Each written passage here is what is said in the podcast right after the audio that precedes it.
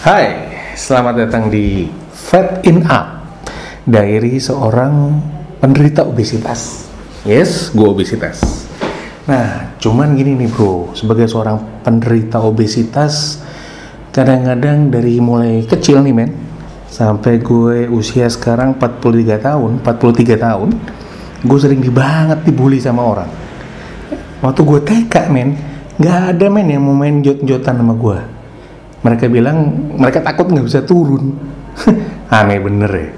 Nah sampai sekarang di usia gue sekarang 43 tahun itu masih suka ada yang ngebully gue.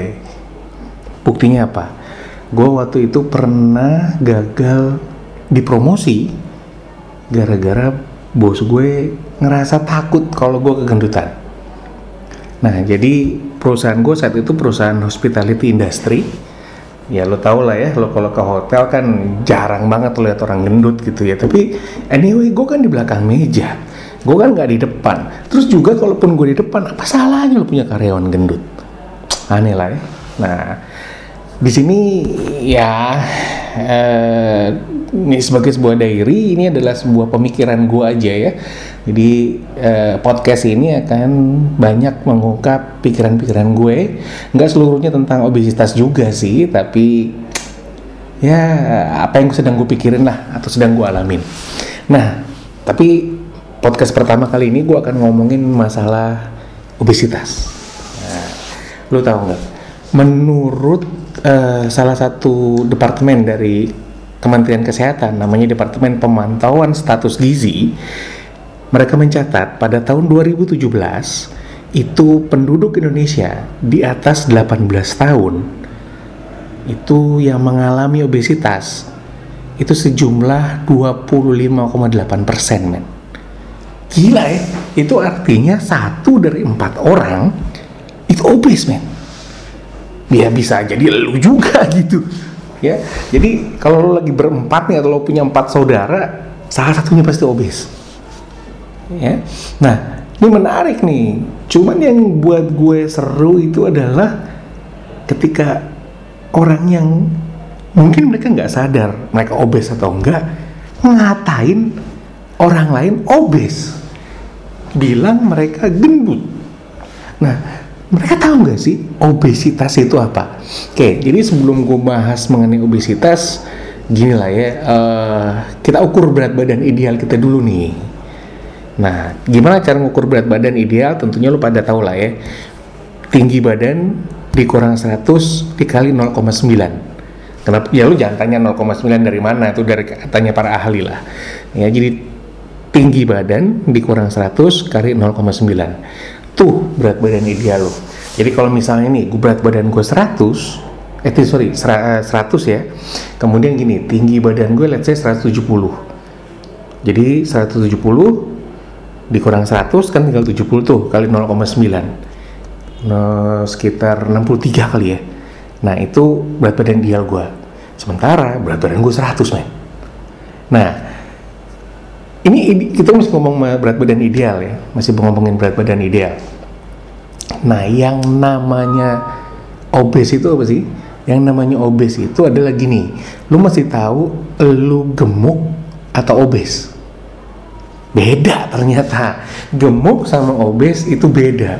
Itu kayak hmm, apa ya? Uh, Superman sama Batman deh. Dua-duanya jagoan tapi beda nih. Ya jadi gini cara lo mesti tahu dulu nih lo gemuk atau obes. Oke gue ulang lagi. Nah gimana lo tahu kadar kegemukan lo sampai sebatas apa kadar kegemukan lo adalah gini. Berat badan lo sekarang dikurang berat badan ideal lo kali 100% kali 100% itu kadar kegemukan lo.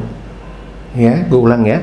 Berat badan lu sekarang dikurang berat badan ideal kali 100% nah tadi nih misalnya gue nih berat badan gue 100 dikurang 63 itu sekitar eh, uh, 37 kali 100 maka berat badan gue itu sekitar uh, kadar kegemukan gue kadar kegemukan gue itu sebesar 30 3 persen, 37 persen, 37 persen. Nah, yang namanya obes, yang namanya obes adalah ketika lu tahu bahwa kadar kegemukan lo itu di atas 20 persen. Di atas 20 persen baru bisa dibilang lo obes. Tapi kalau cuma sekitar ya let's say di bawah 10 persen atau di bawah 20 persen, lo cuma dibilang gemuk okay? nah jadi obes itu adalah ketika obesitas itu adalah ketika kadar kegemungan lu di atas 20% nah seperti yang kita tahu lah cuman gini gue gua gua agak-agak sedihnya gini kadang-kadang orang merasa bahwa gini deh contohnya dia ya. sekarang kan tuh ada ada ada di berita itu ada seorang cewek ya yang sempat dirasakan sangat obesitas sehingga kemudian dia dilakukan perawatan dan sebagainya. Nah, menurut gue media tuh jahat juga gitu loh. Kenapa sih yang kayak gitu-gitu di blow up? Kayak nggak ada berita lain aja. Kasihan men, kasihan. Lo bayangin aja dia cuma bisa tidur doang, dia cuma bisa let's say duduk aja susah, dia malu mau keluar. Ini sorot di TV lagi. Menurut gue di mana otak itu media ya? Nah, dan beberapa tahun yang lalu, waktu zaman gue masih, ya kayaknya masih SMA lah ya, ada masa-masa di mana uh, orang gemuk itu justru dijadiin banyolan di televisi men. Ya, peran mereka itu pasti jadi jin men. Wah itu ngeri banget. Itu masa sebelum yang kebanci-bancian di TV lah. Ya kan terus rame tuh nah orang gemuk saat itu itu punya pasar juga ternyata di televisi di media. Ya jadi jin. Ya jadi jin men. Gila loh. Jadi uh, waktu itu gue seneng banget bilang eh jin jin jin. Eh, tapi it's okay lah ya namanya juga mereka nggak paham dan sebagainya. Nah tapi kalau kita sadari bahwa kadar kegemukan ini gemuk itu yang uh, umumnya dihasilkan dari dua hal katanya. Dari pola makan dan dari pola gerak. Nah itu salahnya bukan salah ya. Itu pilihan lah. Mereka mau makan apa aja mereka nggak mau bergerak itu pilihan. Tapi ternyata ada juga orang-orang yang tidak memilih untuk obes nah yang nggak memilih itu apa nggak memilih karena gini dia itu ada kerusakan di bagian otaknya men di bagian yang secara khusus disebut sebagai hipotalamus. Ini yang disebut sebagai obesitas hipotalami. Nah, hipotalamus itu berpengaruh terhadap produksi sebuah hormon namanya pituitari. Ya, pituitari. Nah, si hormon pituitari ini berperan dalam berbagai banyak hal. Salah satunya adalah rasa lapar dan haus. Nah, yang lainnya ya pengaturan suhu tubuh, kemudian siklus tidur. Jadi lu bayangin kan kalau orang dingin itu kan paling enak apa? Makan. Nggak bisa tidur. Lu guling-guling-guling-guling apa kemudian? Lapar. Udah itu ditambah sama orang itu nggak bisa mengendalikan rasa lapar. Itu hormonal, men. Jadi nggak semua orang obes itu memang mereka memilih untuk obes ada juga yang gara-gara penyakit fisiologis. Nah, yang kayak gini, yang sebaiknya kita jangan bully lah mereka, bos. Ya. Nah, buat lu, lu yang udah terlanjur obes, coba perhatiin, lu karena memang tadi ya pola makan dan uh, pola gerak, kalau lo nggak bergerak gitu ya, atau hipotalamis. Nah, kalau hipotalami ada beberapa ciri-cirinya. Yang pertama, lo jadi cepat capek, men. Lo cepet capek. Begitu lo cepet capek lo siap-siap deh. Bukan siap-siap lo periksa lah ke dokter. Kemudian suhu tubuh lo naik turun. Padahal situasi di luar itu perubahannya nggak drastis nggak drastis nggak signifikan. Tapi ya kalau lagi panas lo cepet kepanasan. Kalau lo tiba-tiba cepet banget dingin gitu ya. Nah kemudian yang ketiga itu gangguan tidur lo jadi susah tidur kemudian juga pola tidur sih kebalik-balik lo siang lo tidur malam lo begadang gitu ya. Kalau lo memang people uh, apa morning person gitu ya. Nah kemudian ada sakit pada bagian-bagian tubuh tertentu. Ya itu ciri-ciri salah satu ciri-ciri obesitas hipotalami juga. Gangguan mood nah mood lo mudah banget swing. Dan yang terakhir, dan gue harap lo nggak ngalamin ini adalah penurunan gairah seksual.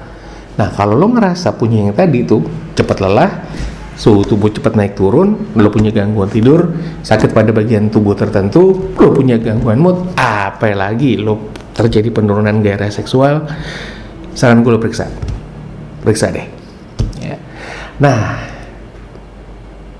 itu aja sih yang main ngomongin, cuman gini deh uh, gue refer lagi pada pernyataan awal-awal tadi adalah coba jangan memberikan atau mudah kita memberikan label, mudah kita memberikan judgement kepada orang-orang yang obesitas.